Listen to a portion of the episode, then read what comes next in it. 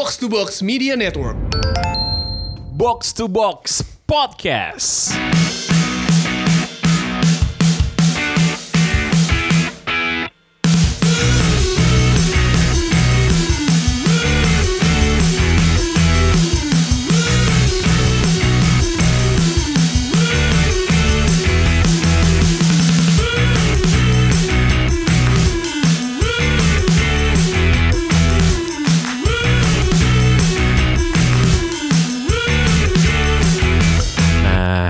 Balik lagi. Tapi sekarang balik lagi di masa-masa yang garing nih. Nations League. Jurgen Klopp itu betul sekali. Ini kompetisi paling nggak penting, senseless, nggak ada tujuannya. Dibikin seolah-olah penting, tapi ya gimana dong? Mau dipoles-poles juga tetap aja nggak menarik. Sama seperti bulan lalu, ketika pertama kali Nations League digelar, gue sih masih tetap sama opininya. Ini kompetisi sebenarnya mendingan nggak usah ada udah gitu. Terlepas dari Belanda ada di mana sekarang yuk? Ada di Peringkat berapa yuk? peringkat sebentar gue cek dulu. Eh Jangan lihat peringkat. Hari Sabtu kita main. Kita lihat. selalu janet peringkat janet peringkat terus degradasi peringkat oke lagi. heeh. Ya itu nasib kalau degradasi. Eh, maksud gue ya sebuah liga eh, sebuah liga yang menurut gue ajaib. Belanda urutan terakhir lah grup satu. ya. Eh, Elah baru satu match. Nggak heran itu lah, nggak heran. Heran. itu. Masih ada tiga Eh, match. pokoknya box to box menolak memberikan legitimasi kepada Nations League dengan cara membicarakannya. Jadi kita ngomongin lain aja ya. Jadi kalau mau dengerin Nations League, lo dengerin podcast yang lain aja yang nomor yang nomor dua juga nggak ngomongin ini kayaknya. Enggak, kemarin nggak ngomongin Yang ngomongin ini juga, yang nomor tiga, nomor empat, nomor lima dan seterusnya lah. Tuh ada peluang buat lo, buat bikin topik yang menarik. Kalau bisa menarik, silakan bikin lo podcast soal Nations League. Kita menolak soalnya. Kita mau ngomongin eh, ini aja. Gue mau ngomongin, eh, lo tahu ingat jurnalis namanya Diego Torres gak? Jadi si Diego Torres ini adalah eh mana tadi contekan gue bentar. Oh nih, Diego Torres ini adalah eh, jurnalis yang eh, nulis eh, banyak artikel dan buku soal Real Madrid, termasuk juga biografinya Mourinho pas ada di Real Madrid. Dia bikin pernyataan statement di El País, salah satu koran gede di Madrid.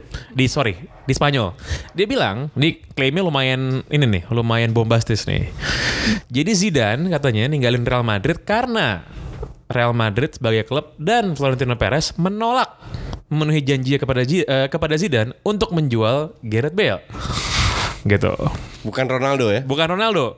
Dia udah tahu bahwa Ronaldo akan cabut. Oke. Tapi Zidane merasa bahwa ketika Gareth Bale gini, Bale kan pada musim lalu di Madrid juga jarang main kan? Di bawah Zidane, di bawah Zidane walaupun juga sering Iya. cedera. Iya. Tapi bukan pilihan pertama. Iya. Gitu. Nah, menurut si Diego Torres dia bilang tadinya Perez udah setuju untuk ngejual Bale. Bale. Iya. Karena diminta oleh Zidane. Dia tahu Ronaldo akan cabut soalnya. Iya. Di- eh, dia tahu. Dan Perez sudah iya. Sampai ketika final Champions, Bale nyetak dua gol. Lalu katanya Perez, enggak, nggak usah dijual. Nah, itu katanya Zidane bete gara-gara itu. Menurut lu gimana coach? Enggak, kalau seandainya Zidane tahu bahwa eh, Ronaldo akan dijual dan dia ingin Bale dijual, apakah iya dia akan stay? Kan untuk gue nggak make sense. Karena kalau kita melihat eh, gaya bermain Zidane itu nggak nggak nggak beda jauh sama Mourinho kalau bilang tidak dari sisi bertanya tapi dari sisi meraihnya lebih mengandalkan skill individu. Jadi gue rasa eh, dari tengah ke depan itu ter- terserah kalian bertiga di depan lah dan so far is going well karena mereka sudah saling kenal. Dan untuk gue agak aneh kenapa Bill harus dijual. As a coach lu, eh, lu nggak ngejual pun nggak masalah kecuali si Bill ini jadi apa namanya jadi jadi perusak ruang ganti lah suka fitnah kompor tapi masalah ini kan nggak pernah dibahas jadi feeling gue juga nggak nggak terjadi Nih ya nih, gue bacain gimana kronologisnya menurut Diego Torres nih ya, menurut jurnalis Spanyol. Jadi eh, di tengah musim kata Zidane dia minta Perez untuk jual Bale di akhir musim. Iya. Kenapa? Karena Zidane merasa bahwa Bale terlalu individualistik dan secara taktik tuh nggak disiplin. Jadi si Zidane nggak suka sama dia dan juga soal karena sering cedera. Lalu Perez yaudah deh, gua jual si gua jual Gareth Bale, duitnya buat beli Neymar. Wow. Gitu. Duitnya buat beli Neymar. Si Zidane mem- mempertanyakan Neymar. Iya. Karena dibilang Neymar nih nggak profesional orangnya gue males. Boleh nggak gue mau yang lain? Siapa? Kata Perez. Kata Zidane gue Eden Hazard. Oke. Kalau nggak Harry Kane atau Muhammad Salah. Terus katanya oke, cuman syaratnya adalah gue mau Bale cabut aja pokoknya. Gitu. Itu katanya Zidane. Iya. Nah setelah gol dua gol Bale di Champions League, Perez berubah pikiran karena Perez ini kan mental pedagang. Jadi kayak nih Iya. kayaknya ini Nggak, bagus komoditas bagus nih, Dagangan gini gua kan. pasti laku Dagangan nih, gua laku ya. nih kan. Nah, nah. Nah, terus apa namanya? Perez ngomong ke Bell tanpa Zidane dia bilang enggak enggak. Musim depan lo bakal punya peran yang penting di Madrid. Ini katanya Perez ke Bell. Si Perez nggak peduli bahwa si Ronaldo akan cabut. Kenapa? Karena menurut Perez Bell akan lebih bagus dari Ronaldo. Dan sering kali disalah mengerti. Ini katanya si Perez. Nah, Oke. dia bilang sama Zidane, udahlah cobalah semusim lagi Bell di Madrid pasti oke kok. Apalagi kan gak ada Ronaldo. Pu- iya. Ruangnya lebih besar buat Iya, dia. iya, iya. Gitu. Si Zidane sakit hati katanya. Karena Perez ngomong ke Bell nggak lewat dia dan mengingkari janji. Waktu dia ketemu sama Perez eh, abis final Champions, Hmm? terus Zidane bilang, nggak, gue mundur. gitu. Lagian Itu, sih. itu, Tapi untuk eh, gua agak aneh, untuk gua agak aneh. Ini pasti ada dendam pribadi atau masalah pri- pri- pribadi. Kalau lu seandainya tidak suka dengan dengan pemain ini, ya udah biarin, cadangin aja. Kenapa harus minta dijual? karena dia minta pemain baru. Nah, oke, kalau dia minta pemain baru, entah uh, pemain top lah, pemain mahal, itu kan terserah manajemen mau beli atau tidak. Kalau manajemen tetap ingin mempertahankan Bale dan manajemen juga bisa mendatangkan Hazard dengan dana dari Ronaldo atau plus-plus pemain lain, itu kan terserah manajemen. Kok dia ikut ikut apa namanya ngatur siapa yang harus pergi atau iya enggak? kan se- nah ini kan sebenarnya yang namanya yang namanya manajer kan pengen pengen punya kontrol yang penuh atas timnya termasuk soal siapa yang dibeli siapa yang enggak lo kalau lihat kalau lihat track recordnya Perez ya Pereznya kan orang yang bilang Makalele nggak penting. Jual kan? betul Iya kan? betul betul. Gue gue setuju cuman kan dia sebagai pelatih harusnya play smart. Kalau sana Perez tetap ingin mempertahankan Bale kalau gue jadi Zidane ya udah per- pertahankan aja. Yang penting gue dapat Hazard. Bale nggak akan gue mainkan. Selama gue nggak butuh nggak akan gue mainkan. Sesimpel itu kok. Jadi dia kalau kalau menurut gue sih si Zidane tuh kayak setengah hati udah merasa udah males plus udah ada triggernya nih. Dit- ditambah menurut gue sih dia kayaknya emang ini siapa namanya udah kayak gue udah menang tiga kali Champions sih. Udah bosen lah. Udah kayak ya kayaknya Udah nggak ada tantangan lagi, kali kan. udah- Plus dia udah- kayaknya emang punya emang punya trigger lah. Dan ini sekali lagi ini klaimnya Diego Torres. Jadi ini bukan account ini bukan account Twitter bodong di Twitter yang apa di yang punya fans siapa gitu kan atau kayak account Instagram eh, yang kerja yang upload-upload meme bola tapi nggak lucu ya. Ini yang bikin wartawan Spanyol klaimnya di El Pais gitu. Jadi kalau mau protes lu nanya sama dia lu tanya baik-baik di Twitter gitu. Sama kayak wak- waktu coach Justin nanya sit lo. gitu. dibalas pula Dibalas pula.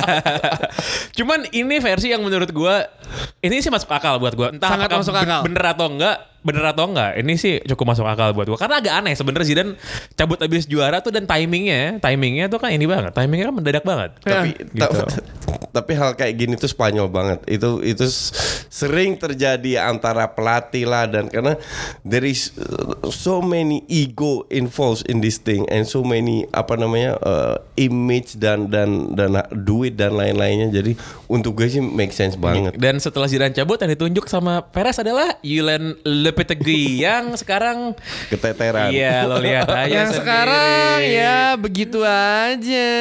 Tapi eh apa sih namanya? Eh mungkin permasalahan nggak tahu ya. Gue bukan melihat melihat ini sebuah permasalahan. Ada data menunjukkan bahwa eh, Real Madrid ini harusnya timnya udah kompak dong harusnya karena rataan pemain yang bermain di Real Madrid itu sudah lebih dari 5,5 tahun lebih, lima setengah tahun lebih malah untuk bertahan di sebuah klub di sepak bola yang sangat modern saat ini sangat jarang untuk melihat pemain yang bertahan lebih dari empat tahun, ya kan? Eh, ini gue baru dapat datanya nih. Eh, Real Madrid urutan pertama dengan 5,84 tahun, Barcelona urutan kedua 5,36 tahun, Bayern Munchen itu urutan ketiga 5,26 tahun, yang empat Madrid 4 tahun 17, eh, Spurs 5 dan menarik ada nama eh, Borussia Mönchengladbach sama Bournemouth. Bournemouth urutan 10. Rata-rata pemainnya bertahan selama 3 tahun Iya, iya. setengah. Itu lama sih. Jadi menurut gue By the way, by the way, siapa coba pelatih di Premier League, di Premier League, pelatih Premier League yang sekarang paling panjang karirnya di klubnya? Eddie Howe. Eddie Howe, Pak. Eddie Howe ya Bournemouth. pelatih gue di foot gue tuh FIFA Ultimate Team gue? Eddie Howe tuh. Dia Berapa dari lama? Championship udah berapa tahun ya, yuk? dari Udah lima tahun udah kali, udah iya Lima lima tahun, tahun lima tahun. lebih tiga tahun karena tiga tahun lalu tiga tahun lalu mereka promosi dari dari Champions ya, mereka si Eddie Howe tuh beneran nge- ngebuat si Bournemouth ini menjadi ya Iya. tim papan tengah lah maksudnya Iya, iya, dia iya. tahu kapasitas timnya segimana terus tahu pemainnya kayak gimana ya mau mau nggak mau dia menyes- menyesuaikan dengan budget yang ada tim papan tengah aja udah. Papan tengah ya hiburannya adalah nyaris degradasi naik ke atas nyaris gitu aja Jadi lu bayangin waktu Wenger belum cabut dari Arsenal musim lalu, pelatih paling panjang karir di Inggris nomor satu Wenger, nomor dua Eddie Howe men. Langsung lompatnya jauh banget kan? Sangat Ja- Hmm. jauh. Jauh banget. Dan dia kan juga digosipin untuk menggantikan eh, Wenger karena dia anggap sebagai crown prince di antara pelatih muda Inggris. Iya. Yang yang yang bikin gua agak enak sama Inggris itu semua yang berbau Inggris itu hebat. Entah itu pelatihnya. Lu coba siapa yang bilang Ramsey hebat? Hanya orang Inggris saja. Yang lain-lain enggak. Dan ka- kalau lu dengan komentatornya di di apa namanya match Inggris entah itu BT lah entah itu BIN ESPN whatever lah selalu mendomba membanggakan pelatih Inggris lah pemain Inggris lah dan untuk gue ter- terlalu lebay gitu. M- makanya kalau ada orang bilang komentator harus netral ya go to hell lah. Lu co- coba denger itu. Tapi tapi kenapa Inggris itu? Inggris. karena emang eh, apa namanya eh, f- jurnalis Inggris itu kan emang yang sangat segitu ya dengan sepak bola kan. Jadi dia beneran bisa ngegoreng ngegoreng isu Ngegoreng pemain, isu. ngegoreng isu pemain eh sekarang gak usah jauh-jauh deh. Pemain Inggris tuh kalau dijual tuh harganya tuh gila-gilaan banget kan. Iya, makanya nggak ada yang mau beli. padahal kayak iya lah mainnya juga gitu aja. Tapi Iya, si betul, balik betul. lagi balik lagi ke Eddie Howe ini dia emang di waktu itu dita- ditaksir sama beberapa klub tapi kayak dia tahu kapasitas mawas diri lah kalau di apa Iya, ajaran setuju, PPKN mawas setuju. diri udahlah gue di Bournemouth aja nggak mau daripada daripada nanti daripada klub klub gede Di back David Moyes Iya David Pecat. Moyes ya Iya, kan betul, Mendingan gue kayak betul. santai Bournemouth ya kan gaji lancar Hidup gue tenang Gak ada tekanan Ya udah By the way, Bournemouth ini starter baiknya ini loh. Ini starter baiknya musim Bournemouth di ini Premier bagus League. dia Yes, itu iya. dia di ranking 5 kan kalau salah starter baiknya Bournemouth di Premier League Atau semenjak mereka enam- enam promosi ya dan strikernya tuh on fire semua main Joshua King, Callum Wilson itu Yoi.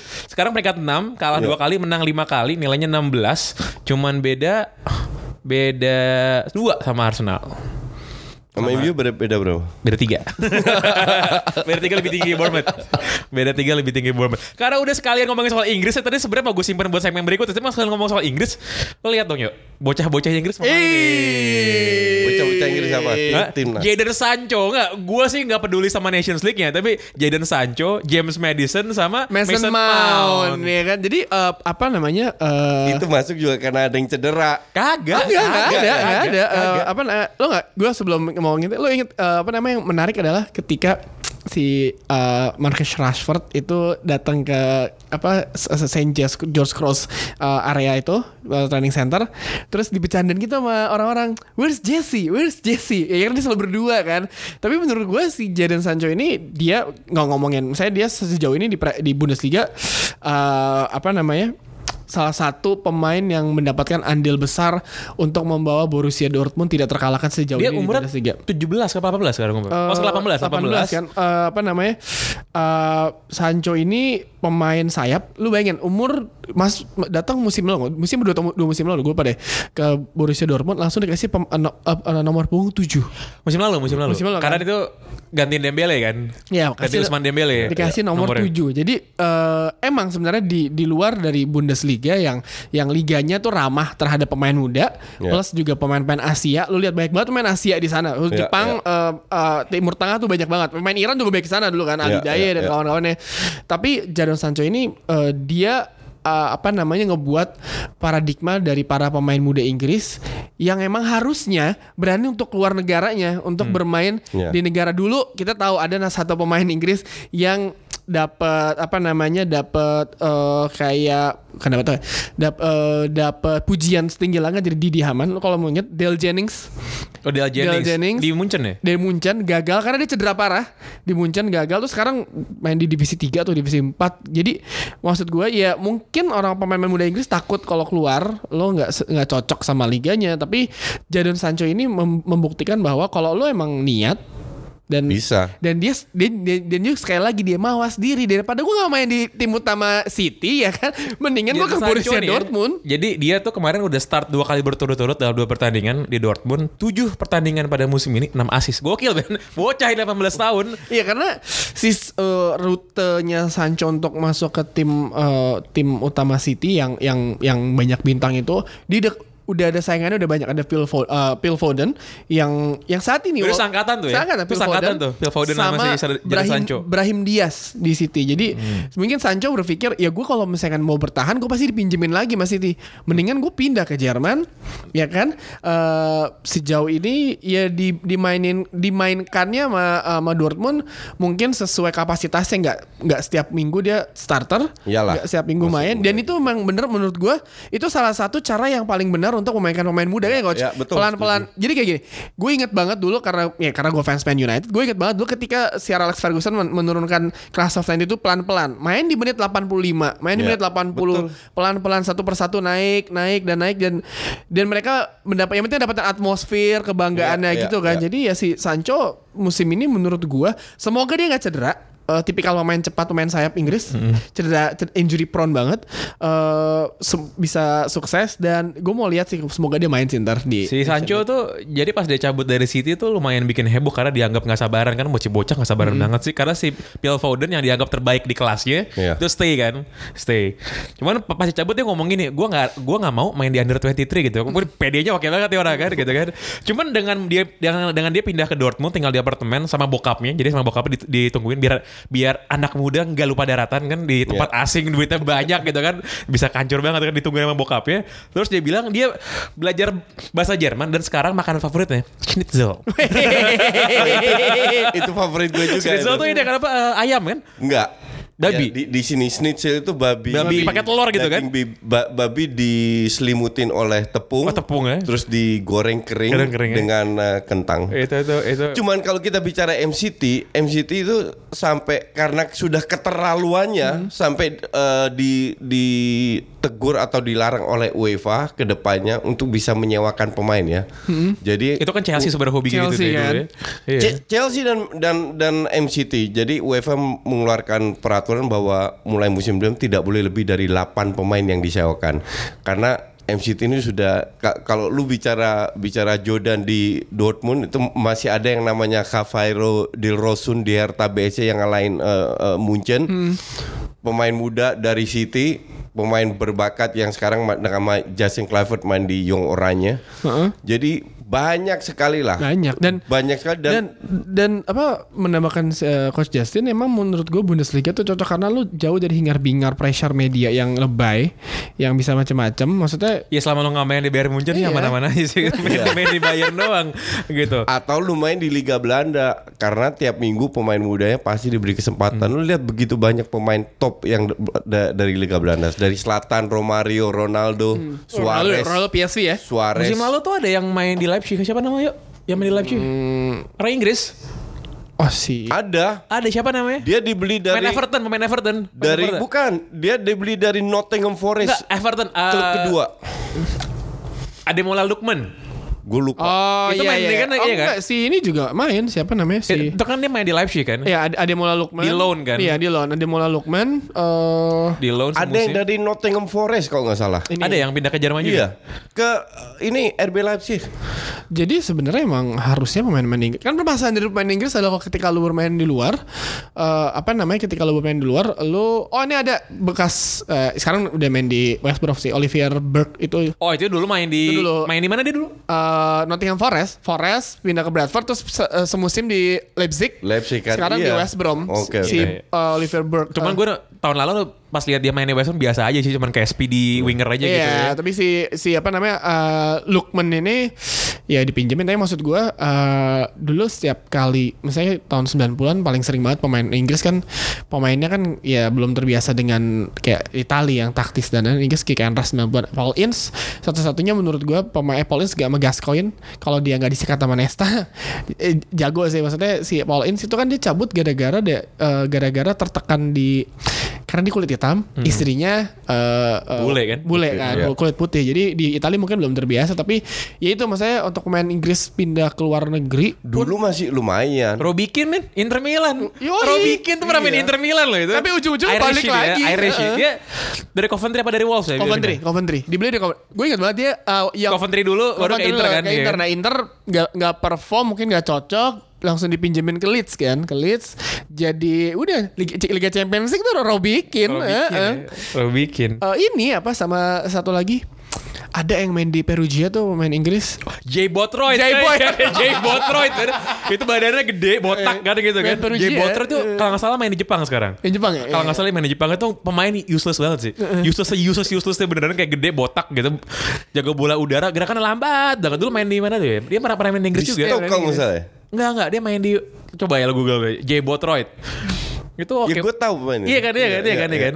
Itu agak mirip-mirip sama Bobby Zamora atau enggak? Bobby Zamora, Jay Boytrot itu apa namanya Perugia Blackburn, Coventry sama dari dari ini oke, juga oke. dari dari eh sekarang bener main di Jepang. Oh, iya tuh 2014 tuh. J Botroid, Wangtong United tuh main di Thailand tuh. Enggak, sekarang dia di Consadole main sama ini pemain ini nih berarti si apa pemain si Consadole Sapporo pemain yang pemain Thailand tuh si Canatip. Oh, Canatip Satu ya? tim sama Canatip udah. Canatip. Heeh. Gitu. Emang gue emang gokil gokil sih. Kalau emang kalau lo keluar dari zona nyaman emang emang emang pasti akan ada resiko tapi emang orang Inggris paling males sih. Sebenarnya kan yang kalau lihat di kalau Belanda itu gara-gara liganya ee gitu kan. Iya. Jadi pengen cabut. Nggak du- duit juga sih. Ya duit juga pasti. Iya maksudnya duit juga duit Iya, iya. liganya.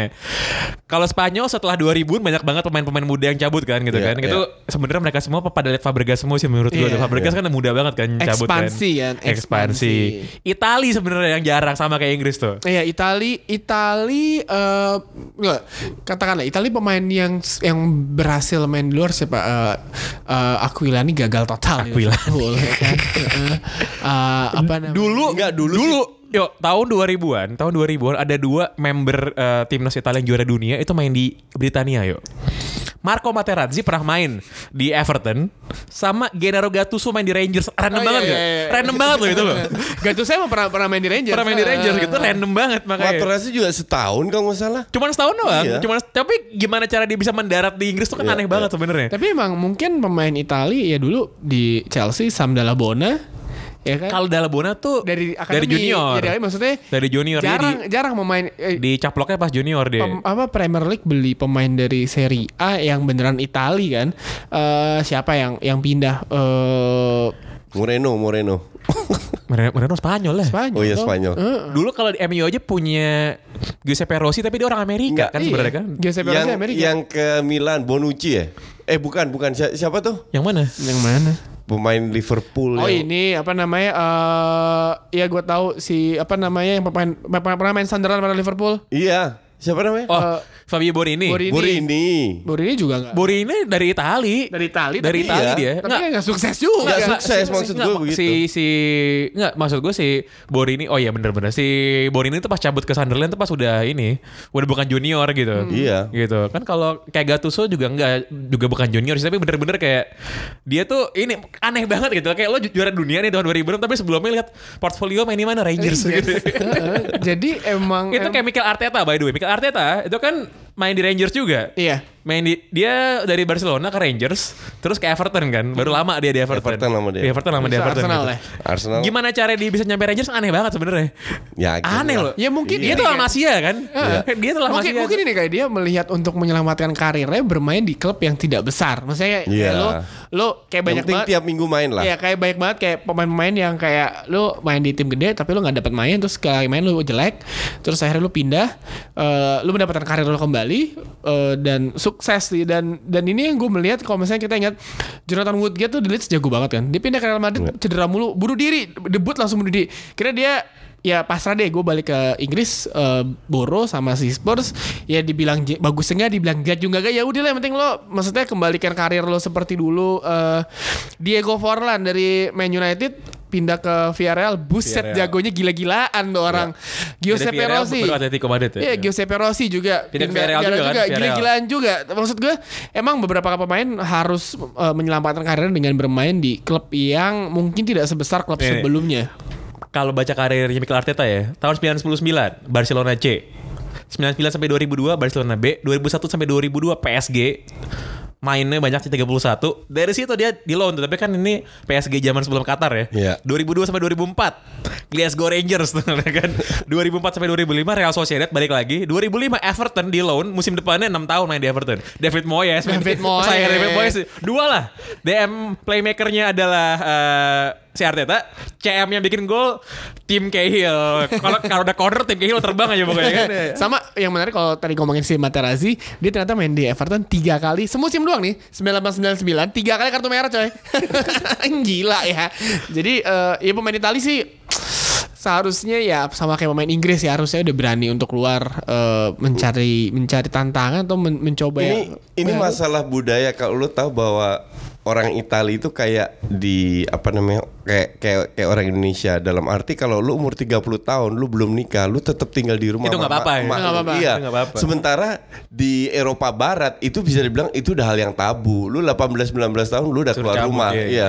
jadi untuk gue sih nggak nggak heran juga karena mereka duit nggak nggak kekurangan juga kasarnya begitu. Dan mereka juga sulit berapa orang Italia yang bisa bahasa Inggris sih dan kalau bisa pun susah banget apalagi pemain bola yang yang sekolahnya paling top SMA gitu jadi mereka sangat sulit juga dengan adaptasi bud bukan hanya budaya tapi juga bahasa maka jadi banyak faktor yang membuat mereka sulit untuk ke eh, pindah ke Inggris terutama Iya, apalagi cuaca kan paling paling Cuaca, iya. di Inggris kan. makanan, cuaca, faktor maknya. Ya lo gimana? Banyak Coba. Itali makanan enak pakai olive oil kan begitu nyampe Inggris fish and chips ada rasanya kan anjing.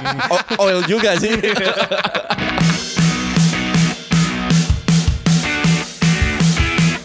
Beberapa hari yang lalu waktu episode tanggal kapan ya gue lupa kita sempat ngomongin soal Fenerbahce di mana Philip Koku em, ini Keteteran. manajer kesayangan coach Justin simply karena dia orang Belanda aja sih sebenarnya. Ngomongnya gimana? Keku.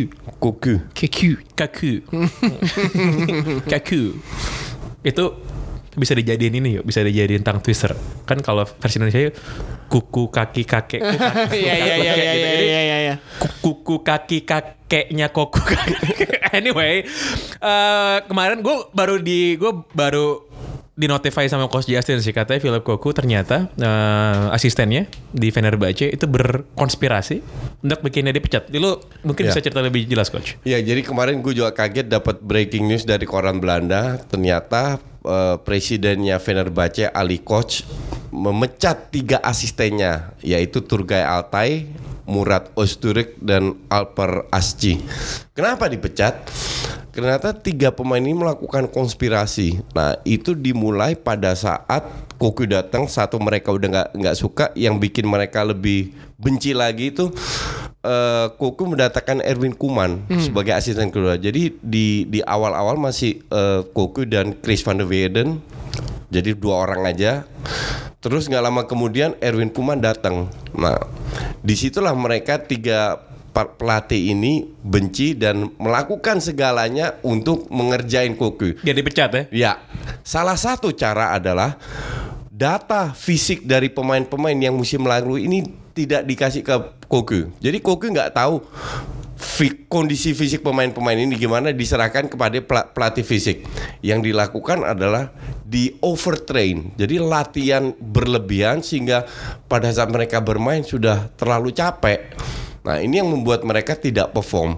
Terus ada dua pemain Turki lagi yang dipecat eh, karena jadi kompor lah kompor di di dalam ruangan. Ini ini untuk gue sebuah bukti bahwa eh, gue sebagai pelatih beruntung tidak pernah mengalami hal seperti ini karena di sini sudah eh, terbukti bahwa pemain ini bisa menggeserkan pelatih kalau seandainya mereka eh, Males sudah, kompak udah, iya. kompak jadi satu. Cuman ini kan hal yang yang incredible untuk gue kenapa hal-hal seperti ini di dunia Betul. profesional masih terjadi Dan, gitu. dan yang bilang ini ke publik adalah presidennya, presidennya sendiri Iya. Dan orang Turki juga yang dipecat tiga asisten Turki, tiga pemain Turki. nama presiden siapa coach? Ali Koch. Ini dia emang pernah ngelatih apa di namanya coach? Ali Iya, Coach iya, ini nam- nam- nam- iya, namanya dan, Ali Koch. Dan dan gue kan nge-google si Ali Coach ini kan. Si Ali Coach ini ternyata yuk Oka, eh, ini eh, orang kaya lama, old money. Oh, rich, Sa- rich by nature oke. ya. Salah satu keluarga terkaya di apa di Turki Hmm. dan yang coach holding punya keluarganya itu satu saja perusahaan Turki yang masuk Fortune 500. Ah, Jadi mungkin dia bete kayak apa nih bilang kayak ini kunyuk-kunyuk ngapain ngeganggu Lu- pilihan lu kok gua." ngerjain gue ngerjain gitu, gue lu iya. nggak tahu gue siapa ya apa ya, lu kan mau gue potong-potong lu gue buang keluar Turki gitu kan kan nggak gitu kan dan dan eh, gue pas baca ini tadi gara-gara gue di notify sama Coach Jasin, gue jadi keinget si Frank de Boer pasti Crystal Palace. Terus gue mikir apa jangan-jangan jangan-jangan dia diginiin juga sama ini kan, Iya. sama sama sama staff-staffnya kan. Iya. Bisa jadi. Walaupun dia dia itu juga punya asisten orang Belanda kan pas di Iya, Crystal Palace iya, kan, iya, iya kan, iya, iya kan. iya. Terus gue ingat Ronald Koeman pas di Everton sebelum dia dicabut Berantakan itu juga. sama Erwin Koeman kan Iya, asistennya, iya, iya kan, iya, iya kan. iya, iya, iya. Gue pikir-pikir emang orang Belanda ini kan emang tengil-tengil tapi kan. Emang songong, orang Belanda itu emang songong kan. Enggak, enggak. Orang gue bentar, bentar, bentar, bentar. Untuk gue kata-kata songong itu negatif, oke? Kalau lu bilang orang Belanda itu keras pala iya, dan mereka tegas, they don't bullshit. Kalau mereka nggak suka siapa pun orangnya, mereka bilang nggak nggak suka, tapi semua berdasarkan rasio. Jadi Belanda tidak menggunakan atau sedikit yang menuka, meng- menggunakan emosi, tapi semua berdasarkan rasio. Jadi untuk gue so- songong itu bukan kata yang tepat. kalau gue sih kalau gue sih kalau gue sih tetap stick dengan songong kok kalau ngomong sama temen-temen gue orang Inggris gitu jadi kalau gini kalau misalnya orang Inggris itu kan punya tingkat arogansi karena gue ya gue nih Britania gue British gue pernah menguasai dunia gitu Iya, kan iya.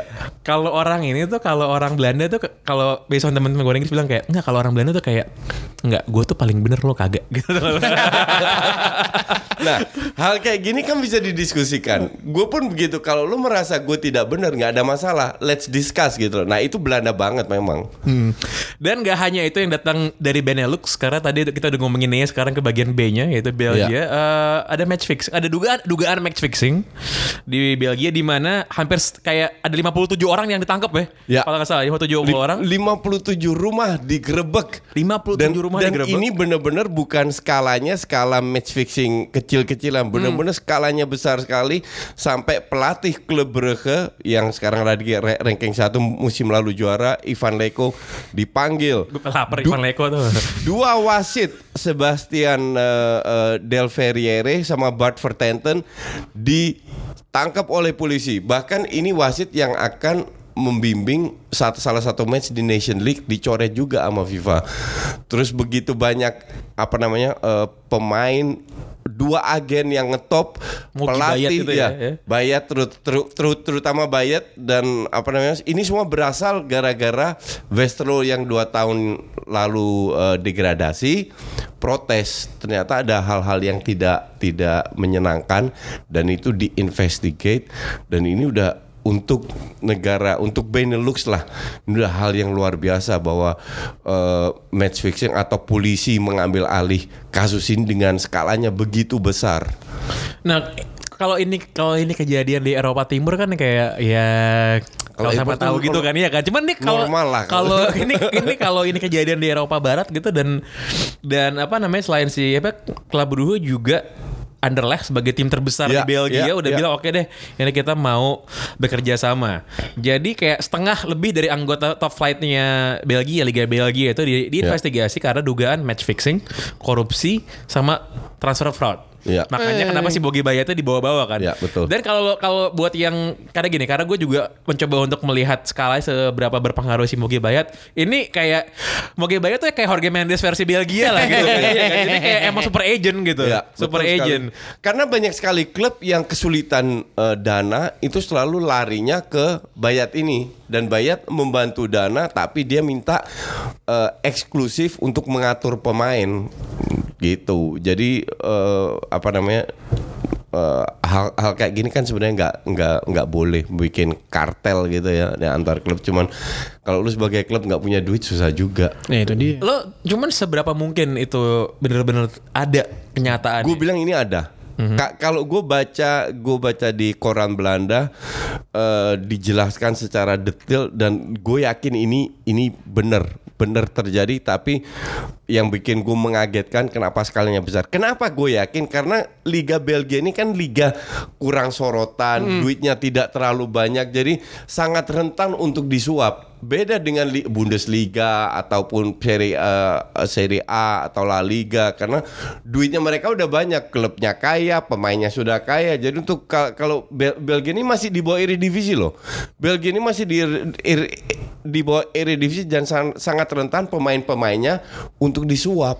Maka dari itu untuk gue sih ini se- 90% Nah, bener. karena gue kepo, gue mencoba untuk menelusuri lagi soal gimana sejarahnya dugaan match fixing di Belgia dan ternyata kayak 13 tahun yang lalu tahun 2005 ada namanya skandal Zeyun Ye. Ini pengusaha orang orang China.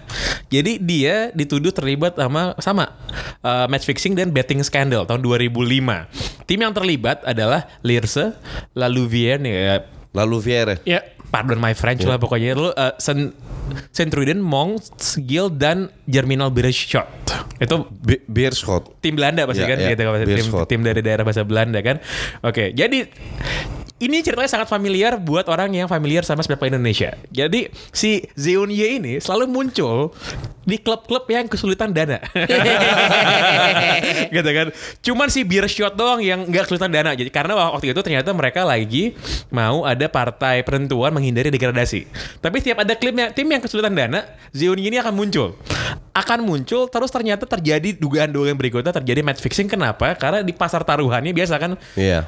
uh, ada pola taruhan yang nggak Iya. wajar. Iya, iya, iya. Jadi iya. kalau ada tahu- trennya lah. Ada trennya. Iya. Jadi kalau tahu kalau semua badan pengawas uh, taruhan itu di Eropa itu punya punya algoritma yang tugasnya adalah begitu ada betting pattern yang nggak wajar, ada orang yang tiba-tiba taruhan yang nggak masuk akal, iya, betul. itu pasti udah pasti dicurigai gitu. Betul, betul. Contohnya gimana? Contohnya adalah si tim Lierse ini tiba-tiba dua, dua pertandingan berturut-turut mainin tim reserve di, di partai liga gitu. Nah ter- dan ternyata dia nggak cuma punya tim Belgia doang, dia punya tim Finlandia namanya AC Aliansi yang juga kalau main suka aneh gitu kan.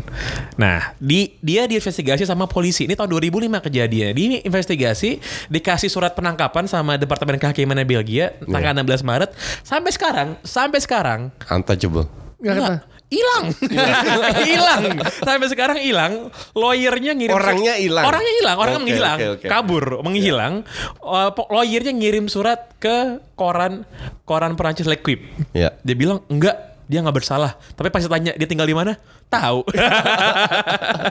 Cuman gue pernah baca baca 6-7 tahun yang lalu bahwa dalam setahun itu Interpol eh, menduga sekitar 400-an match yang terduga terlibat dalam match fixing. Bahkan ada match dalam eh, eh, pre-roundnya Champions League. Cuman memang rata-rata eh, dari negara E- Eropa Timur, Albania, Siprus yang sering disebut, tapi juga divisi 2 Turki, bahkan divisi 2, divisi 3 Swedia yang kalau lu lu udah biasa ngebet itu ada bettingnya semua. Eh, jadi yang is- intinya pemain yang digaji sangat kecil itu sangat rentan untuk betting. Ya karena saya balik lagi kalau misalnya ngomongin soal duit pasti kan setiap orang butuh uang dan main-main ini betul. kan butuh butuh dapurnya tetap ngepul Iya, kan iya. ngebul jadi ya di seluruh dunia sih pasti itu selalu kejadian lah apalagi i, mm, gue pernah mendengar gue pernah ngobrol pas gue di eh, di Filipina kan eh, apa namanya ada orang ngobrol gitulah Eh, dia bilang eh, iya kalau daerah-daerah apa kalau liga-liga yang udah ajaib-ajaib itu paling gampang masuk masukin betting-betting yang ajaib-ajaib gitu kan Iya. karena eh, apa apa namanya sorotannya nggak nggak terlalu besar orang itu pemainnya juga mm-mm. gaji paling 2000 euroan 2000 3000 euro sekarang kalau lu dikasih dalam satu match lu dikasih 4 5000 euro lah 4 5000 euro cuman 70 juta Iya kan? Di- tapi kan di sana kan kecil masalahnya. Iya, Oh, buat, buat, banget. buat orang betting mah nothing. Lu gue kasih li, li, li- 5000 euro terus lu cetak gol bunuh diri co- con- contoh gue gue pasangnya 100 ribu euro. Udah dapet. Makanya kalau lo mungkin yang dengerin ini pemain bola atau pendukung tim-tim kecil di Center Nusantara terus tiba-tiba lo lihat di depan stadion lo yang kecil itu ada mobil bagus tiba-tiba ada turun orang pakai batik atau pakai jas bawa koper ah, udah siap-siap aja udah. Hati-hati aja udah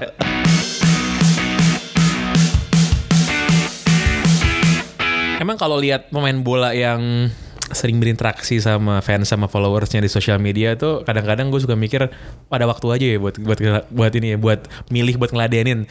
Tapi gue nggak heran kalau yang melakukan ini Buffon sih. Jadi Gigi Buffon kenapa? Karena lo kalau ketemu ke orang-orang yang udah pernah ketemu sama dia, yang pernah kerja sama dia, yang pernah ngeliput dia, terus semua sama komentar ya. Yang namanya Gigi Buffon itu gentleman. Dan Ya, gue udah membuktikan sih kemarin pas di Singapura, gue cegat dia kan, gue cegat dia untuk minta foto. Fotonya sih blee, gue nggak bisa ngambil foto ya, fotonya blur.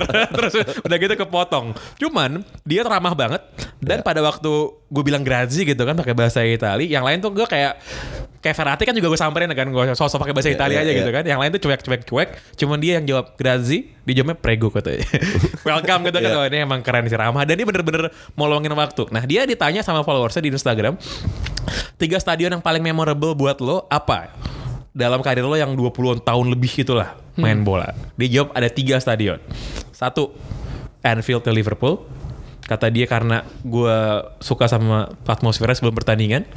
Lalu Ibrox, kandangnya Oh, Rangers. iya, iya, Rangers, iya. kandangnya iya, iya. Rangers. Sama yang terakhir gue gak heran sih. Fenerbahce. Iyalah orang dia mau latihan tiba-tiba perc- ada mercon terbang gitu-gitu kan. Dia eh, dia bilang iya karena dalam 10-15 menit pertama waktu pertandingan dimulai, gue tuh susah buat konsentrasi dia bilang. Oke, karena Di- berisiknya. Karena berisik di tiga stadion itu. Ya kalau lihat Liverpool sih emang kalau awal pertandingan sih berisik banget sih. Ntar, Iya. Taruh di tengah-tengah diem dulu, entar kan baru pas ujung nyanyi lagi tuh kan gitu. Kalau Ibrox sama juga orang Scotland ya kan mabuk semua pasti kan. Teriak-teriak Fenerbahce kayak gue tadi bilang sih.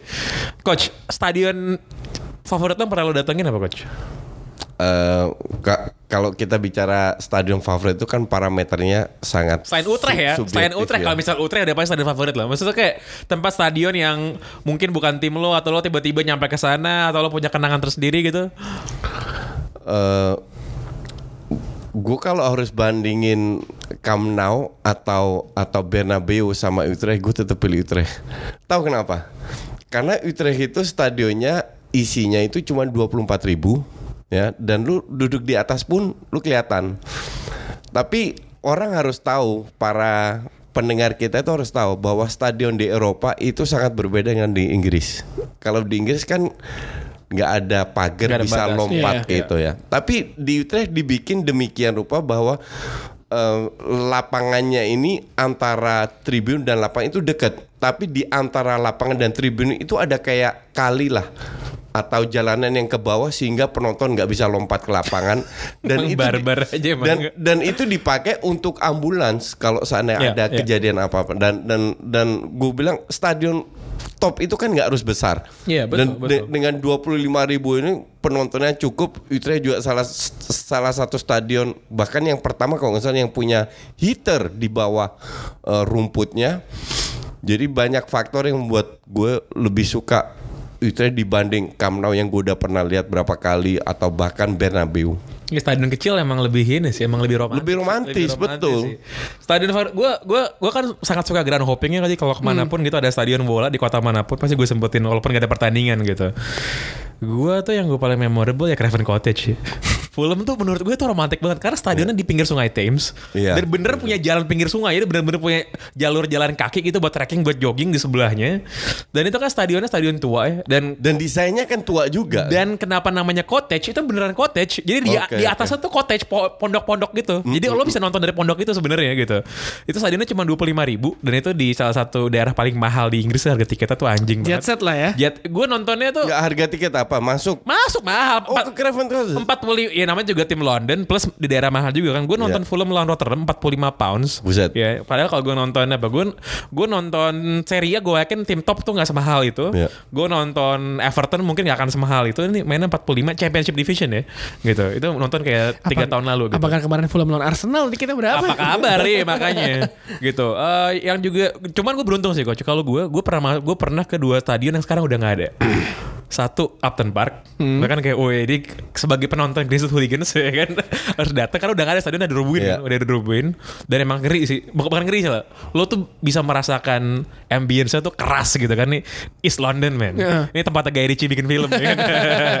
Satu lagi Stadion Atletico apa em, apa namanya? Yang dulu Vicente Calderon. Oh. Iya. Yang di bawah tribunnya tuh jalan tol. Jalan tol, ya. Jalan tol. Ha, ha, ha. Jadi kalau tiba-tiba jeblos tuh jalan tol mati lo dilabrak sama orang gitu. Kalau gua gua nggak sesering panggil dan Justin keluar Eropa ya. Stadion Manila lah, Manila. Manila. oh itu ajaib juga sih tuh National Stadium yang di yang di Manila ya bukan yang di luar kota Manila ya, tapi yang Oh, yang Jose Rizal apa namanya? Jose Rizal Memorial. Yang Rizal. Memorial itu kan. Oh, udah pernah naik-naik pagar kita dari situ kan. Eh, terus yang menurut gue memorable buat gue eh Stadion Benteng, Benteng, Benteng Tangerang. Benteng Tangerang karena gue dulu nonton Persita di sana pas SD pas kecil. Iya. Iya, masih ada stadionnya? bisa bisa renovasi kok katanya. Habis renovasi tapi ya emang mesti perlu apa namanya perlu eh, perhatian banyak orang lah soal lain-lain. Jadi ya Stadion Benteng yang paling memorable sama satu lagi itu yang menurut gua eh, gua kemarin baru ke sana sih. Stadionnya apa namanya? I Kapten ya Stadion Ba- Bali United. Oh, Bali, Bali, Bali. Karena Iya. menurut gue Yang di Gianyar tuh yang ya? di Gianyar gue spend satu setengah jam ke Gianyar.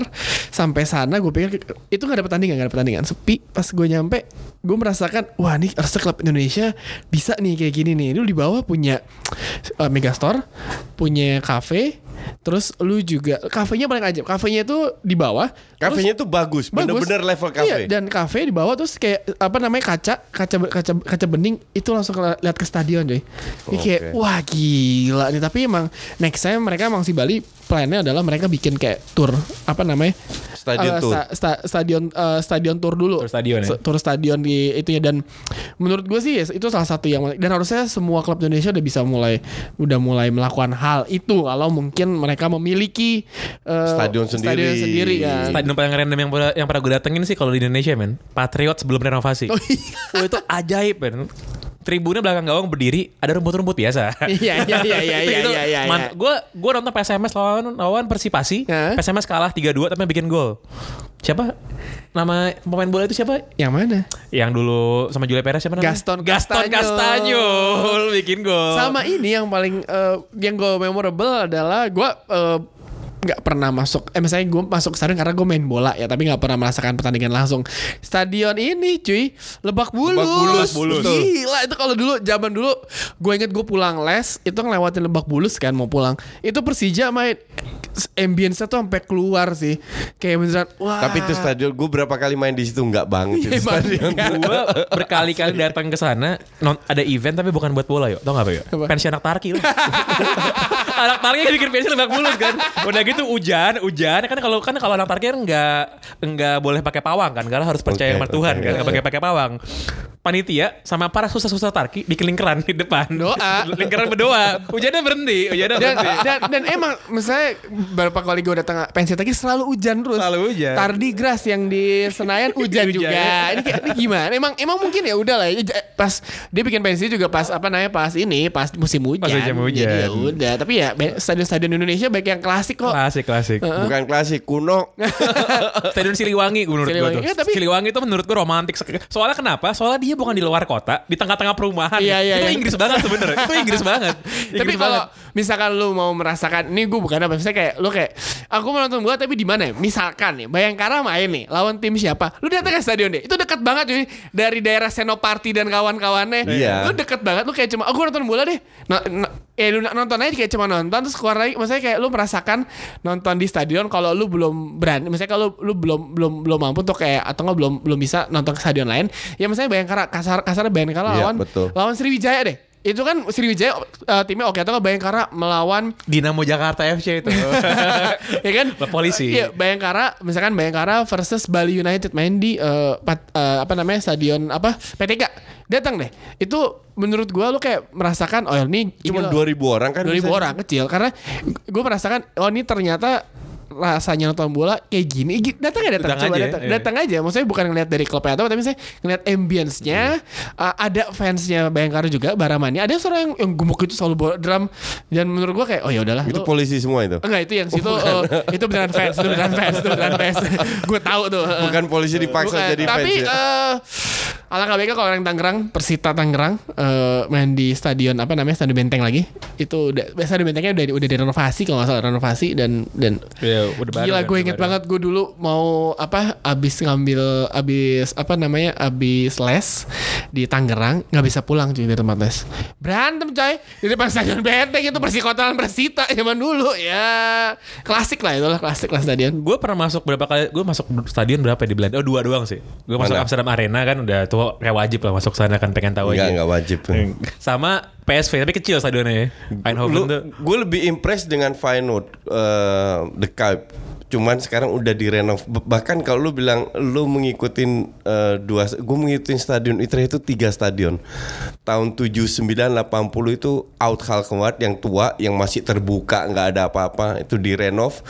Terus setahun pakai stadion darurat. Wah itu parah banget. Itu ka- kayu semua itu karena darurat. Nah yang ketiga baru yang ba- baru ini. Yang baru ini pun sudah berapa kali direnov. Tapi gue gue cinta banget sama stadion itu. Lu tahu, gue pernah bilang ke siapa lupa eh kalau gue ngelihat Jennifer Aniston telanjang atau stadion Utrecht, gue lebih ngaceng lihat stadion Utrecht. Se- Serius sa- sampai segitunya. Gue nggak bisa menjelaskan. Pokoknya tiap kali gue stadion lihat logo Utrecht stadion, kayak lu jatuh cinta gitu. Jadi Paham gue paham, paham. jadi susah untuk dijelaskan gitu. Cuman cuman kalau yang paling bagus yang pernah lo masukin stadion yang paling bagus ya. Jadi bukan yang paling suka paling bagus. Kalau gue Allianz Arena sih. Gue belum pernah ke sana. Allianz ya namanya juga orang Jerman ya Pak ya. Orang Jerman itu, bikin stadion, itu stadion baru juga Iya, kan? stadion baru tuh bagus banget menurut stadionnya. Kalau bag- bukan besar ya, Iya, tapi iya. bagus itu eh, Bird Nest di Beijing. Oh Bird Nest, Oh, yang- yang, buat Olimpiade. Ya, Olimpiade itu Olimpiade, itu itu bagus banget ya. Kalau Barca sama Madrid kan gede banget. Dibilang bagus enggak, Ya, tapi gede gede, gede, gede, Sama gede. tapi- cuman gue suka aja kalau kalau kalau di Spanyol tour stadionnya tuh nggak nggak pakai waktu tuh nggak lo. Jadi lo bisa ya? bebas Iya, ngider. bebas Old memang. Trafford ditungguin anjir. Oke, oke, ditungguin oke. kayak udah sini mau foto suruh pergi pindah ke sebelah gitu-gitu. Oh enggak di sana bebas. Bebas, Karena kan? lu mulai dari sini endingnya di sini Iya, ya lu iya, ikutin iya, iya, iya. jal- jalan aja gitu yang aja. yang memorable lagi itu stadion Raya Vallecano. Itu kan random banget kan. Raya Valle- Vallecano stadionnya itu kan di pinggir kota Madrid kayak daerah Iya, orang miskin gitu. Gymnya nyatu men. Gym pemain sama gym publik tuh nyatu. Jadi saking miskinnya dia Oh, ngebuka ini kan, disewain dia, kan? Dia ngebuka open membership buat jadi kalau gua tahu tuh gua bisa nge-gym sama pemain Raya Vallecano tuh sebenarnya tuh waktu itu tuh. Lu tahu Rayo Vallecano itu salah satu klub di Spanyol. Gue rasa karena nggak punya duit ya, dia terima siswa bayaran. Jadi kalau di Kayak banyak di Spanyol kayak gitu kayaknya. nggak begitu banyak terutama yang kiri-kiri lah. Iya, iya, iya. Jadi kalau Barcelona, Madrid, kalau lu mau main di La Masia, lu yang penting bisa main bola. Lu nggak nggak nggak nggak usah bayar bahkan dibayar.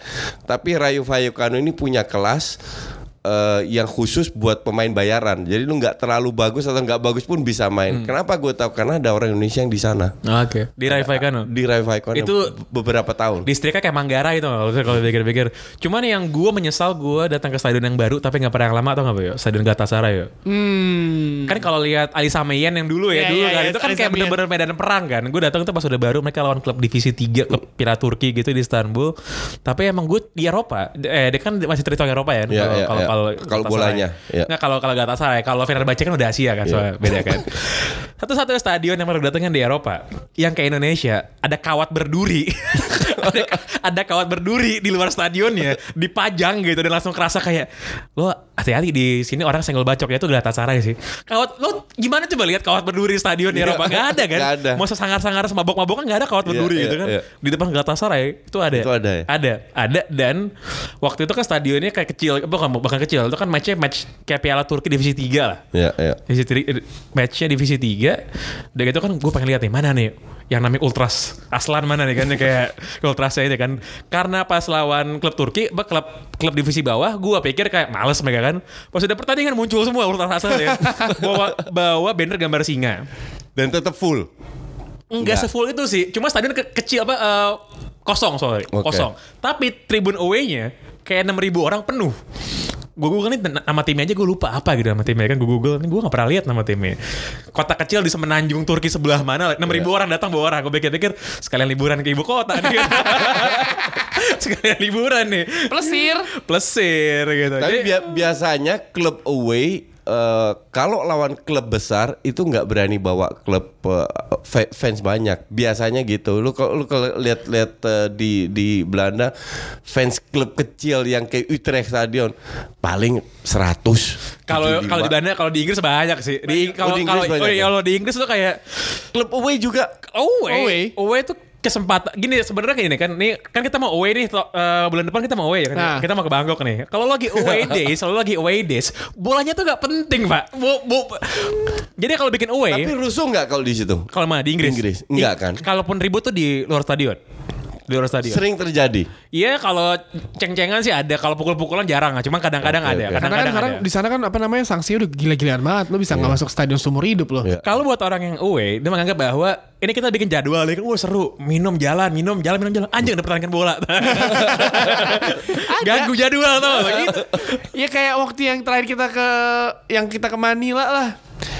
Anjing jauh banget sih stadionnya, mesti banget nih kita berangkat nih. ya kan udah udah momen di mana kayak aduh masih jalan tapi ya next month November kalau misalkan ada Ya sekalian mau kita ikut, ngundang orang nih ya. Kalau Jadi kalau ikut- lo pendengar box to box, lo mau ikutan kita away ke Bangkok, lo mau ngerasain lo ber- lo percaya deh, sehebat-hebatnya pengalaman lo nonton bola di mana pun gitu, nggak ada yang ngalahin rasanya nonton tim lo, apalagi timnas lo main away di negara orang tuh nggak ada yang lain pak. Lo berasa songong, berasa sombong, berasa tinggi lo tambah 2 meter gitu kan. Lo pengen mukulin semua orang pasti pas lagi pas, pas, Siapa pas lagi jalan, pas lagi Siapa tuh jalan yang mau bikin semua orang tuh? lo pasti akan diliatin dikit sama orang lokal pasti lo akan ngeliatin balik pengen nampol gitu kan lo harus merasakan gimana nikmatnya pak nikmatnya jadi away timnas U19 atau apa? Enggak, Enggak, enggak, enggak. AFF, Gue AFF. gue cuma mau away itu nonton timnas senior karena buat gue yang AFF. yang gue anggap sebagai timnas itu ya, ya yang senior gitu yang Uh, benar-benar mengutip, benar, setuju. mengutip uh, apa namanya mengutip kemarin di umpan tarik dari Fuad dibilang daripada lu berantem berantem mukul-mukul uh, sa- s- apa namanya teman-teman sebangsa setanah air ya mending kita di luar aja kalau mau berantemnya ya kan? Lumayan ya, gue KL udah KL udah dua kali. Yang sama Tio tuh Hanoi ya, Hanoi. Hanoi, Manila. Hanoi, Manila. Gue sama gue sama Pak Bona Vietnam. Vietnam itu 2016 nggak punya tiket, nggak punya tiket pas semifinal ya, nggak punya tiket semifinal, langsung beli tiket, em, langsung beli tiket, terus kita sampai sana nggak punya tiket pertandingan. Datang aja udah datang aja dulu kan. Udah kita menang ya kan. Jalan udah kayak orang apaan tahu di tengah-tengah Hanoi itu kan pakai jaket gitu kan. Minum udah kayak apa lo udah lo kalah?